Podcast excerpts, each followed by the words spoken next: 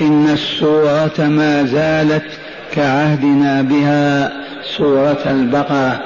وإن الآيات المباركات التي نستعين الله تعالى على تفسيرها وفهم معانيها سائلين الله عز وجل أن يرزقنا الاهتداء بهديها والعمل بها. إنه قريب مجيب سميع الدعاء. قراءة تلك الآيات بعد أعوذ بالله من الشيطان الرجيم. وقالوا لن يدخل الجنة إلا من كان هودا أو نصارى. تلك أمانيهم. قل هاتوا برهانكم إن كنتم صادقين. بلى من أسلم وجهه لله وهو محسن فله أجره عند ربهم ولا خوف عليهم ولا هم يحزنون فله أجره عند ربي ولا خوف عليهم ولا هم يحزنون. وقالت اليهود ليست النصارى على شيء. وقالت النصارى ليست اليهود على شيء وهم يتلون الكتاب كذلك قال الذين لا يعلمون مثل قولهم فالله يحكم بينهم يوم القيامة فيما كانوا فيه يختلفون. إلى آخر ما جاء في هذا السياق القرآني المبارك الكريم. معاشر المستمعين والمستمعات من المؤمنين والمؤمنات. وقالوا لن يدخل الجنة إلا من كان هودا أو نصارى. من القائلون؟ اليهود والنصارى. اليهود قالوا لن يدخل الجنة إلا من كان يهوديا. والنصارى قالوا لن يدخل الجنة إلا من كان صليبيا نصرانيا مسيحيا. ونحن نقول لن يدخل الجنة والله إلا من كان مسلما حنيفيا. والآن هاتوا. الدعاوى إذا لم تدعمها بينات دعوى باطلة. هاتوا البرهن على أن اليهود هم أهل الجنة وحدهم آه الله أخبر بذلك هذا كتابه النصارى آه الله أخبر بأنهم أهل الجنة وسواهم محروم منها فليتفضل. أين الأدلة والبراهين؟ إذا دعوى باطلة ولا تعدو كونها أماني كاذبة. تلك أمانيهم فقط. والأماني لا قيمة لها. تذهب أدراج الرياح. نعم إذا تمنيت على الله اسأله ادعو تضرع إليه اعمل بمقتضيات النجاح والفوز. لا مجرد تتمنى. ولهذا يقول أماني بضائع النوكى أي الحمقى. الأحمق هذا بضاعته التمني. جالس تحت الشجرة أو في ظل الجدار ويتمنى أن تأتي القصعة مملوءة بالرز واللحم. امشي واطلب وابحث. ونحن أيضا نتمنى على الله كذا. كيف تتمنى أنت؟ ادعو تضرع ابكي واعمل بالأسباب التي تصل بك إلى مرادك. أما أن تعصي الله في ذلك ولا تلتفت إلى ما قنن أو شرع أو سن من قوانين وسنن بها يصل العبد إلى أهدافه وأغراضه وتقول أتمنى على الله. هؤلاء اليهود والنصارى أصحاب الديانة البارزة العالية في العالم سمعتم ما قالوا وقص الله علينا خبرهم وقالوا لن يدخل الجنة إلا من كان هودا أو نصارى. ليس معناه أن النصارى واليهود هم الذين يدخلون الجنة ولكن اليهود قالوا لن يدخل الجنة إلا من كان يهوديا. تهود وادخل. ومع هذا لحسدهم لا يسمحون لأحد أن يتهود اعرض عليهم أن لك رغبة في أن تكون والعياذ بالله يهوديا لن يقبلوا. احتكار الجنة لا يدخل إلا يهود الأصل والنسب. من أولاد إسحاق إسرائيل كيف يدخل الجنة؟ من عداهم. إذا والنصارى يرغبون لأنهم يعرفون أنهم إلى الهاوية إلى جهنم مصير لا حد له. فلهذا بودهم أن البشرية كلها تتنصر. يبذلون الرخيص والغالي والنفيس والخسيس من أجل أن ينصروا البشرية. وخاصة المسلمين. بوذا هنادك مشركين ماجوس لا يهمهم أن يتنصروا أو لا يتنصروا. لكن المسلمون أهل الجنة الوارثون لدار السلام هؤلاء فازوا بها. ماذا نصنع؟ إذا نصرفهم عن الإسلام. والله إن لديهم لخططا. أعني عند القسس ومن يسمون برجال الدين. خطط لتدمير الإسلام الأمر العجب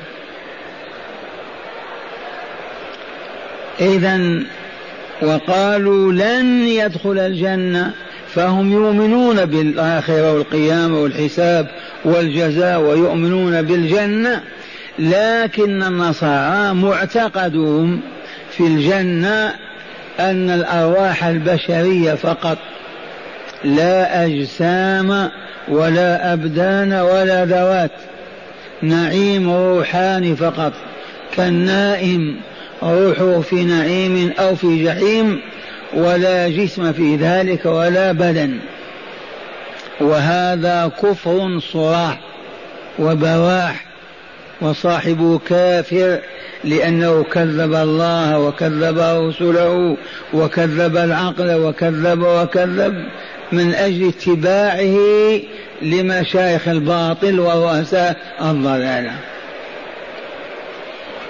عرفتم أن النصارى إلى الآن ما يعرفون الجنة كما نعرفها وأن ساكنها يسكن ببدنه وأن الأجسام ستكمل وستتحد وتصبح على جسم واحد كما أخبر رسول الله صلى الله عليه وسلم نكون أبناء ثلاث وثلاثين سنة. متساوين في هذه السن. وطول الواحد منا ستون ذراعا ثلاثون مترا في الهواء. وهذا الذي كان لأبي البشرية آدم. لما خلق الله آدم وصواه ونفخ فيه من روحه كان طوله الجسماني ستون ذراعا. وقالوا لن يدخل الجنة إلا من كان هودا أو نصارى. قال الله تعالى تلك أمانيهم. هذا الذي يعيشون عليه. وقد قدمنا الأمنية والتمني. هذه إذا لم يعمل العبد على تحقيق أمنيته من طريق الوسائل المشروعة والسنن الموضوعة للوصول إلى هذه الأمنية فهو أحمق لا قيمة له. ولذا قالوا الأماني بضائع النوكة. إذا الأحمق هو الذي يجلس في بيته ويتمنى أن يمتلئ حجه دراهم ودنانير. تلك أمانيهم؟ قال تعالى قل هاتوا برهانكم. حكى قولهم ومعتقدهم وما يتبجحون به وأخبر أن هذا مجرد أماني. لا تتحقق بحال من الأحوال لأن الجنة نحن عرفنا حكم الله الصادر على البشرية كلها. أبيضها وأصفرها. قد أفلح من زكاها وقد خاب من دساها. وقلنا غير ما مر هنا تقرير المصير لا يوم القيامة أبدا. الآدمي هو الذي يقرر مصيره بنفسه. اليوم قبل أن تتغرغر وأن تبلغ الروح إلى الحنجرة. فإن هو آمن وعمل صالحا حسب ما شرع الشارع الحكيم فلا قدم ولا أخر ولا زاد ولا نقص. وراعى الزمان والمكان أنتج ذلك العمل زكاة روحه وطهارة نفسه وأصبح شبيها بأهل الملكوت الأعلى الملائكة النورانيين الروحانيين. بذلك أصبح أهلا للجنة. أما أن يلوثها ويخبثها ويذرنها بأوضار الذنوب والمعاصي ومن أقبحها الشرك والكفر ويرجو ويحلم ويتمنى أن يدخل دار السلام. والله ما دخلها وما هو لها بأهل أبدا. لقد مضى حكم الله في العالمين. إن الأبرار هذه الآية سمعناها وإلا لا إن الأبرار ما لهم؟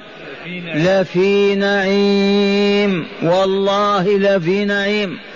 وإن الفجار لفي جحيم. من هم الأبرار ومن هم الفجار؟ كل الناس يعرفون. البار المطيع الصادق في طاعة لله ورسوله فبذلك زكت نفسه وطابت وطهرت. والفاجر من هو؟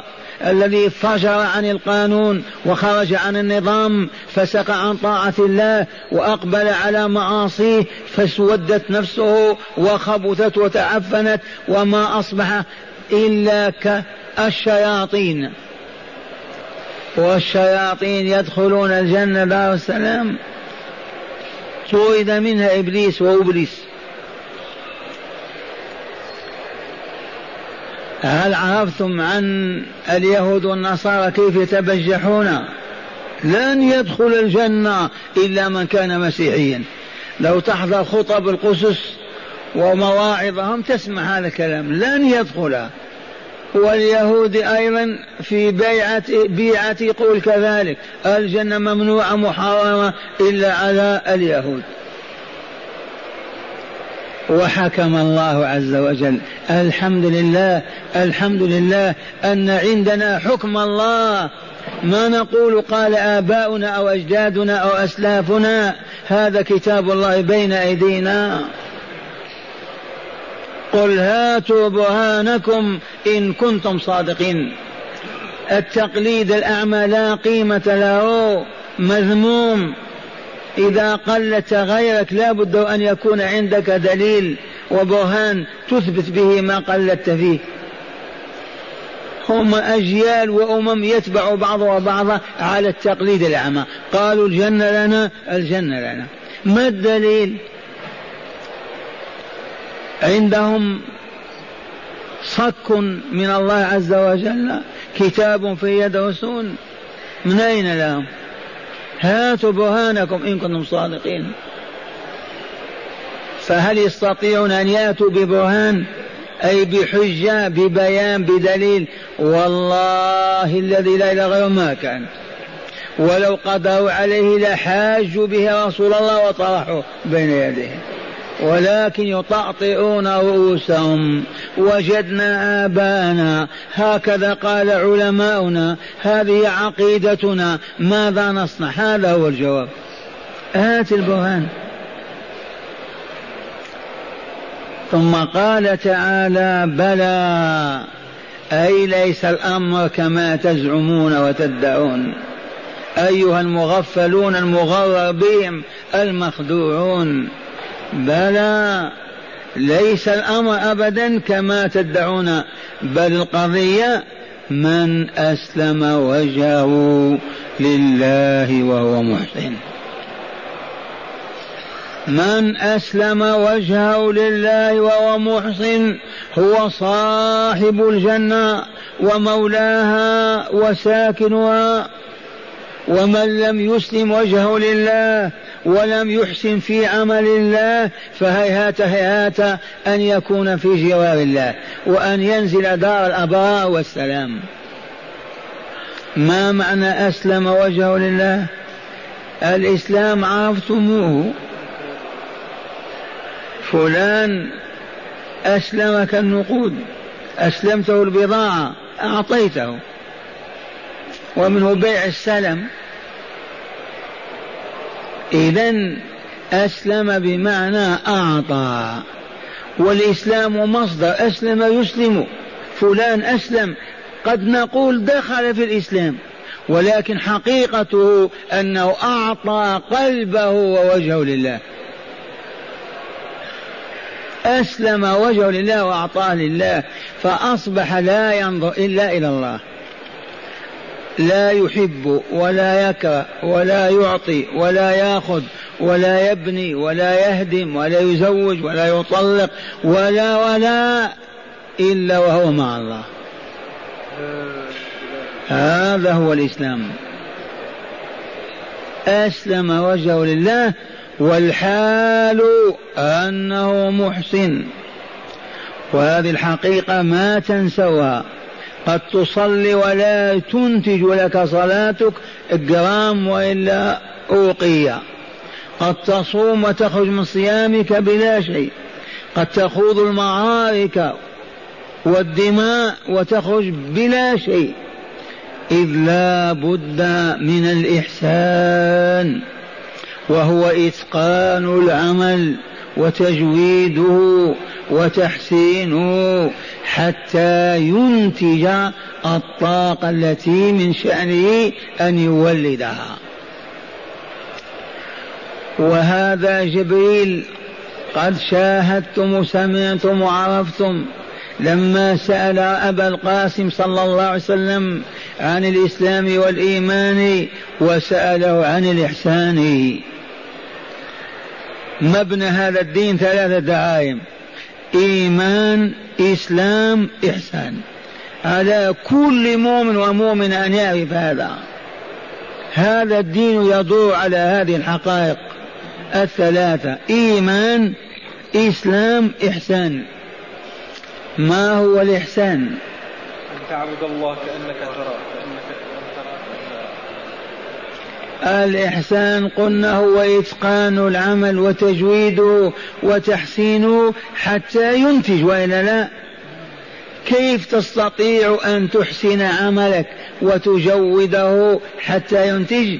لن تستطيع إلا إذا كنت أثناء العمل كأنك تنظر إلى الله أو على الأقل تعلم أن الله ينظر إليك. عجب. لا تنخدع وتستطيع أن تقول أنا أحسن عملي وأتقنه وأجوده حتى ينتج الطاقة وأنت لا تراقب الله. لن يكون هذا. الإحسان أن تعبد الله كأنك تراه. فإن لم تكن تراه لضعفك فإنه هو يراك. فأنت بين الحالين. أخذت تتوضأ تغتسل تصلي تجاهد تقول تقرأ. إن كنت مع الله أحسنت عملك وأديته على الوجه المطلوب وبذلك ينتج لك الحسنات. وإن أنت أديتها غافلة ما تنتج. وهذه محنتنا عامة. هذه محنة الكل. إلا من أخذ الله بيده. ماذا نصنع؟ هيا نربي أنفسنا. نعودها. نروضها حتى نصبح دائما مع الله. قلوبنا ذاكرة وألسنتنا ذاكرة. ألا بذكر الله تطمئن القلوب؟ ولذكر الله أكبر. ندخل في الصلاة ونخرج ما شعرنا أننا مع الله ولا كنا مع الله أبدا. كيف تنتج هذه العبادة؟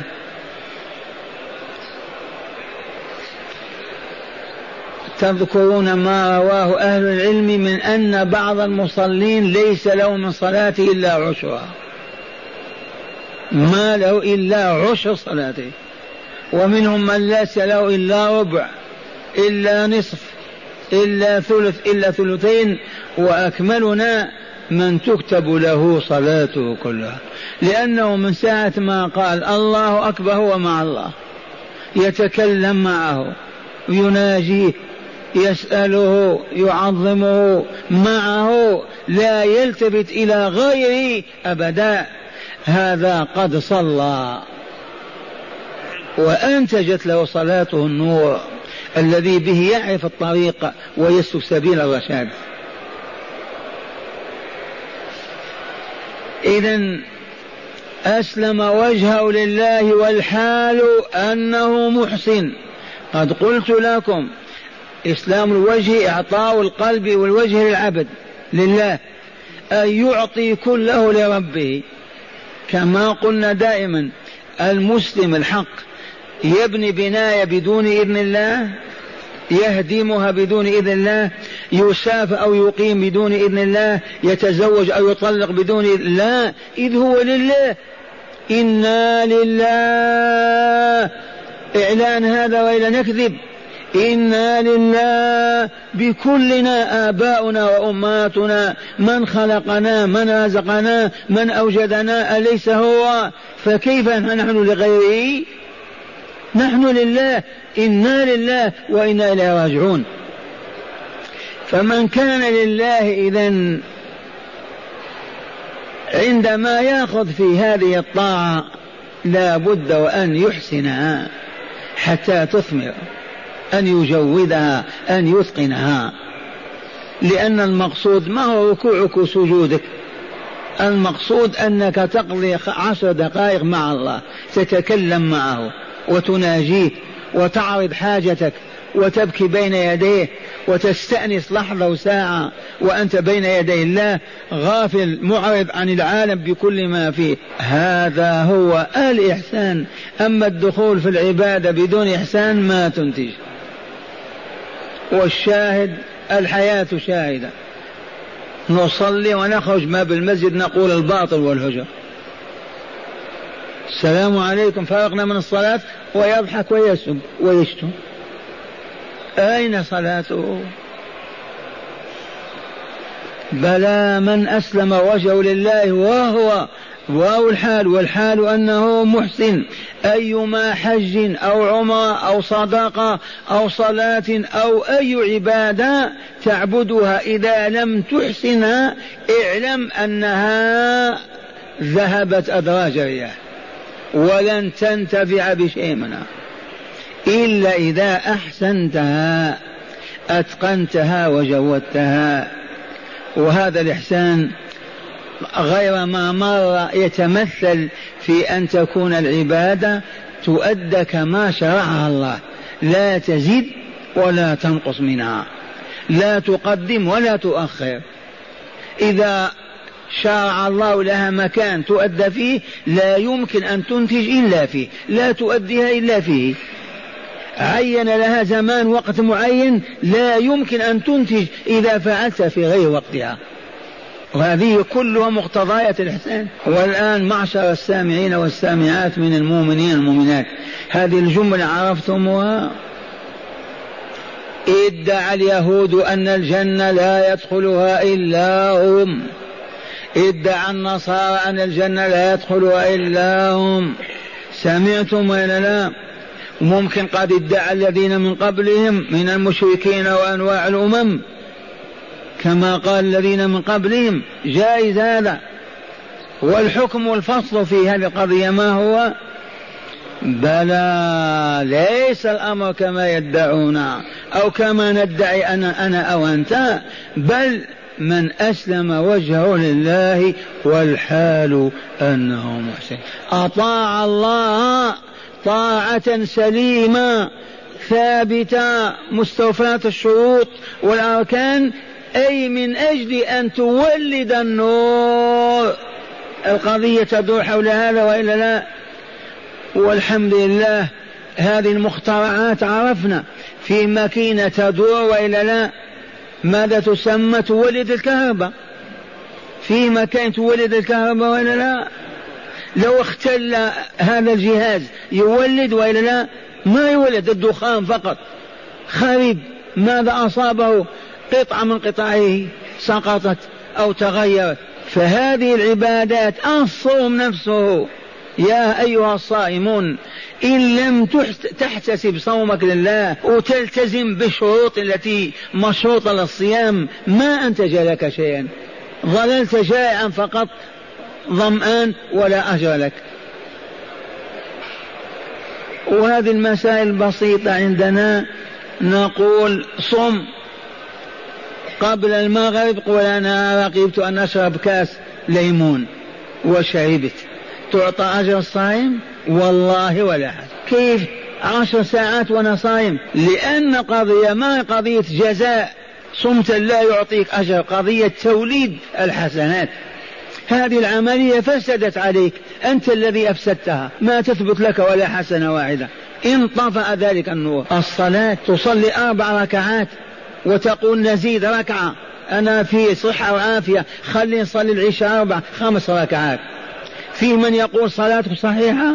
تصح لما ما تصح؟ أنا عصيت الله أنا زدت. الجواب عندكم أن العملية بطل مفعولة ما تنتج لك النور الذي تطلبه. أي الحسنات تعطلت. أعد صلاتك.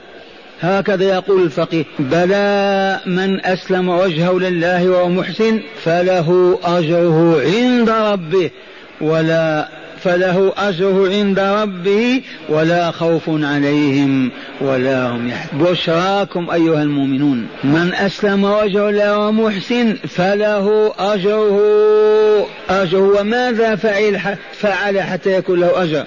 ماذا فعل حتى يعطى الأجر؟ الأجر مقابل عمل. إيه يا عبد الله إنه صام ورابط وجاهد وأنفق ماله وجهده وصلى وهو هذه كلها أعمال تذهب سدى. فله أجره على ما على ما عاش يعبد الله به. ما هي الطاعات؟ ما أسلم وجهه حياته كله لله؟ إذا ما يكون له أجر؟ لا بل له أجر. فله أجره عند ربه. هو الذي يتولى جزاءه. ولا خوف عليهم ولا هم يحزنون. أمن وفرح. أمن وفرح. ماذا بقي بعد ذلك؟ إذا كان العبد فرحا مسرورا وفي نفس الوقت آمن من كل خوف. ما بعد هذا النعيم من نعيم. نظير هذه أطعمهم من جوع وآمنهم من خوف إلا أن هذه مادية والأخرى دنيوية. هذه بعض آية من سورة قريش من ستة آلاف ومئتين وأربعين آية. دائما نقول سبحان الله العظيم.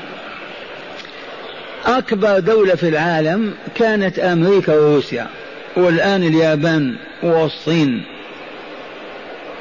تعمل الليل والنهار بأجهزة لا حد لها.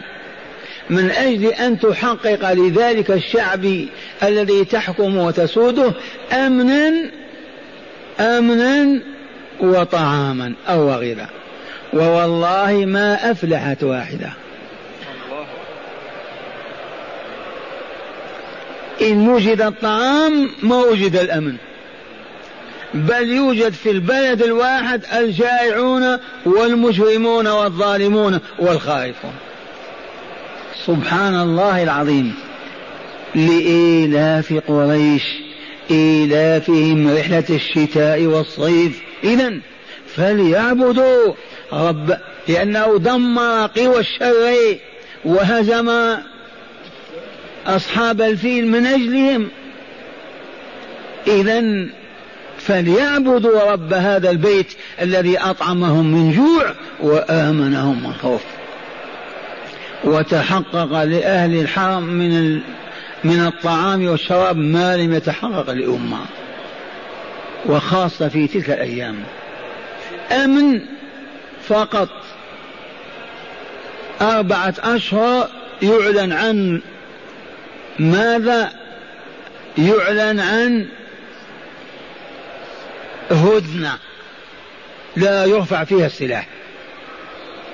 هكذا جبل الله قلوبهم وفطرها تتجول في الأربع أشهر حيث شئت لا تخاف. قريش يرحلون رحلة إلى الصيف في الصيف إلى الشام ورحلة في الشتاء اليمن. فيعودون بأرزاق وخيرات لا حد لها. فيبقون في الحرم يشربون الخمر ويلعبون القمار ويأكلون ويشربون. وهم آمنون مطمئنون.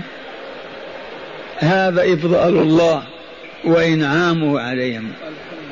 لأنهم سكان حماة وحماة حرمه إذا لما غزا النجاة أبرهة عميل النجاشي وأراد تحطيم الكعبة والقضاء على ذلك المجد. سلط الله عليهم نوع من الطير طيرنا بابيل. كهذه القاذفات التي تحملها النفاثات ودمرهم فجعلهم كعصف مأكول. لأجل ماذا؟ لإيلاف قريش. حتى تألف قريش رحلتيها في الشتاء والصيف ولا تخاف إلا الله. إذا فليعبدوا رب هذا البيت الذي أطعمهم من جوع وآمنهم من خوف. كلما نقرأ هذه الآية ونفكر نقول سبحان الله الدول تعمل ليل نهار بأجهزة مختلفة ووزارات متعددة من أجل فقط أن يؤمنوا الشعب. لا يسرق ولا يسلب ولا يتلصص عليه ولا يؤذى في عرضه ولا مال ولا دمه والله ما حققوا من أجل أن يحققوا الخبز للجميع ما استطاعوا إذا فلو أقبل أي شعب أو أمة على الله إقبال صادقة لحقق لهم ذلك. والله لأطعمهم وما جاعوا ولا أمنهم ولا خافوا. والعرب أنفسهم المسلمون يعانون من الجوع والخوف وإلى الآن ما عرفوا الطريق. لاحت لهم الاشتراكية ظنوا أنهم وصلوا. جربوها وجدوها سما وزعاقا هيا إلى الإسلام. ما استطاعوا لعلهم مسحورون. ممكن. ما المانع أن نسلم قلوبنا ووجوهنا لله ونحن المسلمون. ومن أحسن دينا ممن أسلم وجهه لله وهو محسن بلى من أسلم وجه الله وهو محسن ونشاهد أو ما نشاهد والله لقد تحقق في هذه البلاد أمن. على يد عبد العزيز والله ما تحقق في الأرض إلا أيام السلف الصالح. القرون الثلاثة. لا سلاح ولا طيارات ولا قنابل ولا ولا فقط قالوا لا إله إلا الله وأقاموا دولتهم على دعائم أرادها الله. أمروا بالمعروف ونهوا عن المنكر. أقول هذا حتى تعرفوا أن الله لا يخلف وعده. باب الله مفتوح. أيما إقليم أيما شعب أيما جبل عليه ناس وأقبلوا على الله في صدق إلا وتحقق لهم هذا الموعود لا خوف عليهم ولا هم يحزنون. لأنهم أصبحوا أولياءه. من هم أولياء الله؟ سيدي عبد القادر سيدي مبروك البدوي عيدروس من هم أولياء الله؟ بلغ أمة الإسلام تعرف هذا؟ ما أعرف. اسمع اسمع هذا البيان. ألا إن أولياء الله لا خوف عليهم ولا هم يحزنون. من القائل مالك كل شيء والذي بيده كل شيء. يعلن هذا الإعلان ممكن لا يكون صحيحا. أعوذ بالله. الله قوي قدير. لا يعجزه شيء ولا يخفى عليه شيء. فكيف إذا لا يصدق فيما يقول؟ ألا إن أولياء الله لا خوف عليهم ولا هم يحزنون. لا في الدنيا ولا في البرزخ ولا في الآخرة. في الحيوات الثلاث في الدنيا لا يخافون. في القبر إلى يوم القيامة لا يحزنون لا يخافون. في الآخرة لا يخافون ولا يحزنون. من هم أولياء الله؟ سيدي البدوي. كنا نقول دائما الآن تفتح العالم بعض الشيء لأسباب معروفة. منها الاتصالات العالمية بوسائط متعددة. والله قبل فترة من الزمن لو تدخل على أهل قرية أو مدينة وتلقى أول رجل وتقول يا سيد أنا غريب الدار جئت الآن من بلادي وأريد أن تدلني على ولي من أولياء الله في هذه المدينة. أزوره. والله ما يأخذ بيدك إلا إلى رايح ولا يفهم أن هناك ولي بين الناس حتى لو دخلت القاهرة أو دمشق أو بغداد أو مكة. يا سيد أنا غريب جئت إلى البلد دلني على ولي من أولياء الله أزوره. والله ما يقول إلا امشي ورائي حتى يصل بك إلى ضريح سيدي فلان. هذا الولي. أما ولي حي يمشي ما فيه أبدا. لما؟ لأنهم عرفوا أن الله يقول من عادى لي وليا فقد آذنته بالحرب. من آذى لي وليا فقد آذنته بالحرب. من آذى أو عاد ولي الله أعلن الله الحرب عليه. ومن أعلن الله الحرب عليه ينتصر والله ما هو إلا ينتصر فمن هنا إذا أصبحنا كأهل المسجد الآن. كلكم أولياء الله وإلا لا؟ أولياء الله. هل يجوز يا هذا أن تسب أحدنا الآن؟ أو تشتمه؟ أو تؤذيه؟ أو تدفعه؟ أو تنظر إليه بنظرة شزراء؟ أو تدس يدك في جيبه لتخرج ماله؟ يجوز. أولياء الله. أتريد أن تعلن الحرب على الله عليك؟ إذا انتبه إذا لما يعرف المؤمنون هذا ما بقي سرقة ولا خداع ولا غش ولا لصوص ولا جريمة ولا ولا. لأنهم أولياء الله نحن نعرف العوام أمام الولي يرتعد. إذا دخل الضريح يذوب من الخشوع. فكيف إذا يجد وليا في الشارع ويسب يسبه أو يشتمه؟ ما هو معقول أبدا. هل عرفتم السر وإلى ما زلتم؟ أعداء الإسلام هم الذين مسخونا. عرفتم؟ حولوا القرآن إلى القبور. أعوذ بالله القرآن ينقرأ على القبور؟ ميت تقع على القرآن يا مجنون. يقوم يتحرك يقوم يغتسل من جنابته يرد حقوق الناس كيف تعظ ميتا؟ أكثر من ثمانمائة سنة والقرآن يقرأ على الموتى القرآن نزل ليقرأ على الموتى من صرفنا؟ مثل القرآن مثل الأولياء. ليبيحوا للمسلمين أن ينكح رجل مرت جاره ويفسد عليه زوجته. ويسلب ماله. قالوا ما في أولياء الولي سيدي فلان الذي على قبره قبة. خضراء بيضاء هذا هو الولي. أما الشعب كله ما في ولي. حتى قال كاتبهم من قال أنا ولي يخشى أن يموت على سوء الخاتمة. لا إله إلا الله. أرأيتم كيف هبطنا؟ أمر عظيم هذا. من ادعى أنه ولي يخشى أن يموت على سوء الخاتمة. إذا قول أنا عدو الله أحسن.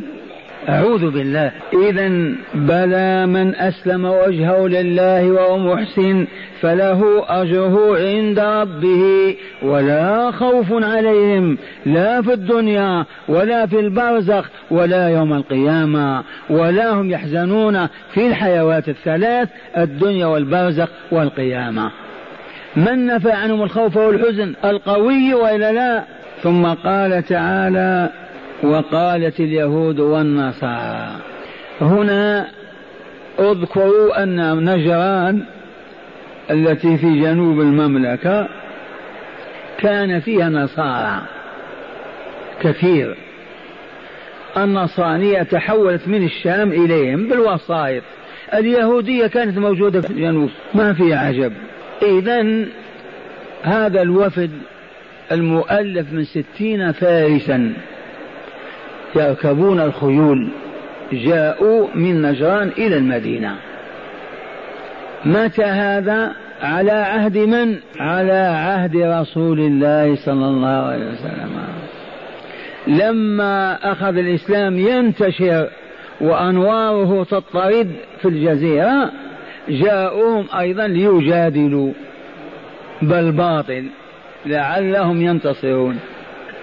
ونزلوا ضيوفا على رسول الله صلى الله عليه وسلم. ما في فندق لا شرط ولا القصر الأحمر. القصر الأحمر. ماذا يفعل الرسول صلى الله عليه وسلم؟ موزعهم. أن تخوض واحد أن تخوض اثنين ثلاثة. ضيوف علينا.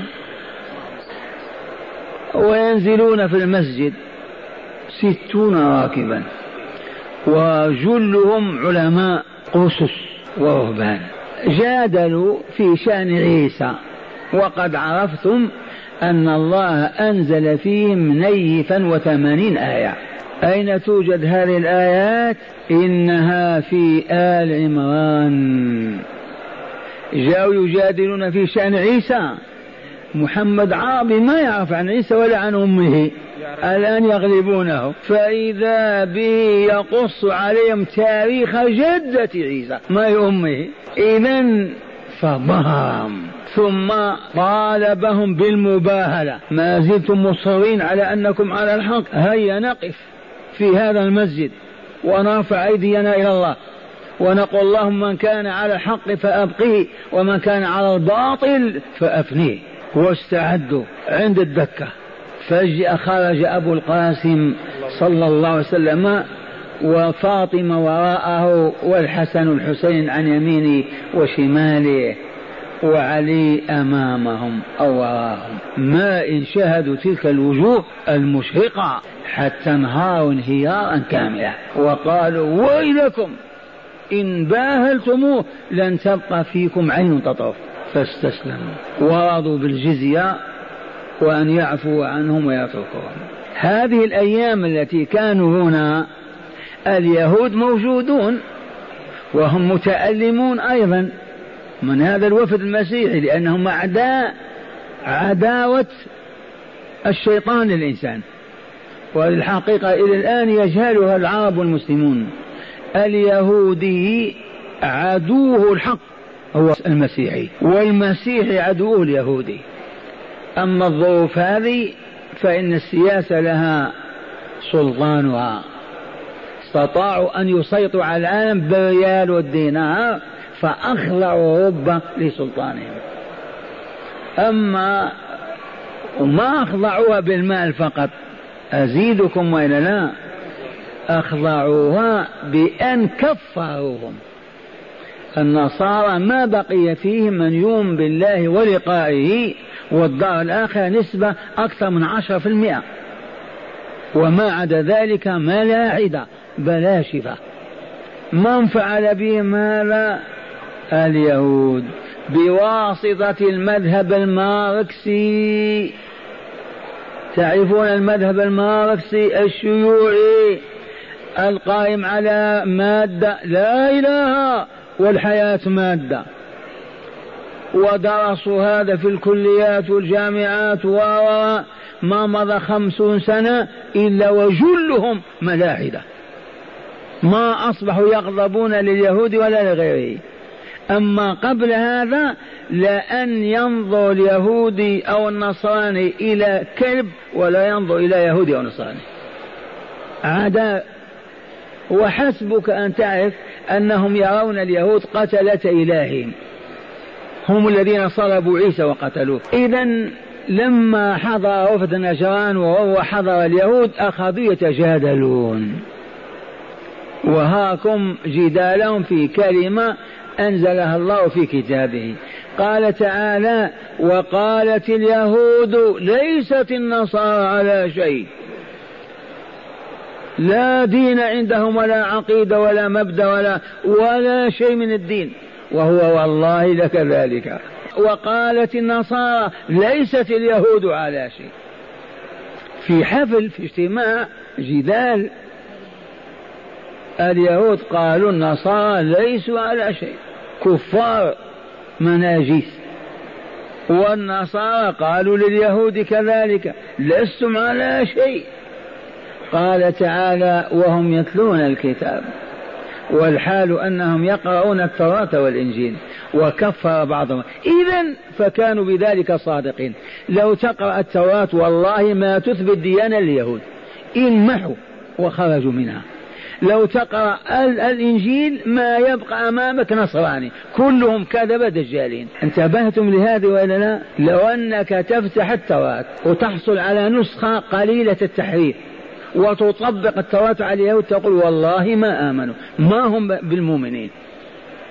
لأنهم يتناقضون مع كلام الله. تأخذ التوراة ولو إنجيل لوقا وتقرأ بتأني وتنظر إلى النصارى وتقول ما هم بمؤمنين. ما فيهم مؤمن. وهو كذلك. يكفي أنهم كفروا بعضهم بعض وشهد الله على ذلك وأقره وقالت اليهود ليست النصارى على شيء من الدين أو الحق والصحة. وقالت النصارى ليست اليهود على شيء وهم يتلون الكتاب بمعنى أن هذا أن الدعوة التي ادعاها اليهود وهي أن النصارى ليسوا على شيء ما هي قائمة عن جهل عن علم لأنهم يقرؤون التوراة وأولئك يقرؤون الإنجيل. فكل شهد بالواقع. وبذلك أعلمنا الله أن اليهود كالنصارى ليسوا على شيء من دين الله. إن أرادوا دين الله فليسلموا. هذا كتاب الله بين أيديهم. إذا وهم يتلون الكتاب. قال تعالى كذلك قال الذين لا يعلمون مثل قولهم. ليسوا وحدهم. الذين لا يعلمون كالمجوس والصابئة وأمم. والمشركين يقولون هذه الدعوة. الآن المجوس يقول لا دين إلا ديننا. امشي إلى الهند وعايش البوذا لا يعترفون بدين صحيح أبدا. يقول الدين هو هذا الذي عندنا. أين البراهين؟ أين الحجج؟ من بيده كتاب الله لم يوجد فيه حرف واحد. من بين يديهم رسول الله تحلف بالله بالحرام مليون مرة وإن كان لا يصح على أن هنا رسول الله والله ما حنثت ولا أخطأت. ولا يوجد نبي على الإطلاق تحلف على أنه موجود في هذا المكان. هذا هو الدين الحق. من صرفهم عنه شهواتهم وأطماعهم وأهواؤهم وذنوبهم وساويهم هي التي حرمتهم. لو بقيت لهم عقول يفكرون بها لاهتدوا لكانوا يرحلون يطلبون هذا الدين الصحيح. ورضي الله عن سلمان الفارسي كم تنقل من بلد إلى بلد إلى بلد حتى وصل إلى هذه المدينة. أكثر من ثلاثين سنة يبحث عن دين صحيح. وهم يرشدون هنا هنا هنا. وأخيرا قالوا إن الدين الحق سيظهر مع نبي سيظهر في هذه الآونة. فنزل المدينة رقيقا عبدا ما إن سمع بمجيء الرسول في قوبة حتى هاج وكاد يطير ولكن الآن من يبحث؟ نعم يوجد بعض النصارى يبحثون ويجدون الإسلام لكن نسبة لا تذكر. وأخيرا يقول تعالى وقوله الحق فالله يحكم بينهم يوم القيامة فيما كانوا فيه يختلفون أتركوهم لله هو الذي يحكم بينهم فيما هم يختلفون فيه. ويجزي صاحب الحق بالحق والباطل بالباطل ولا حق إلا في الإسلام والمسلمين.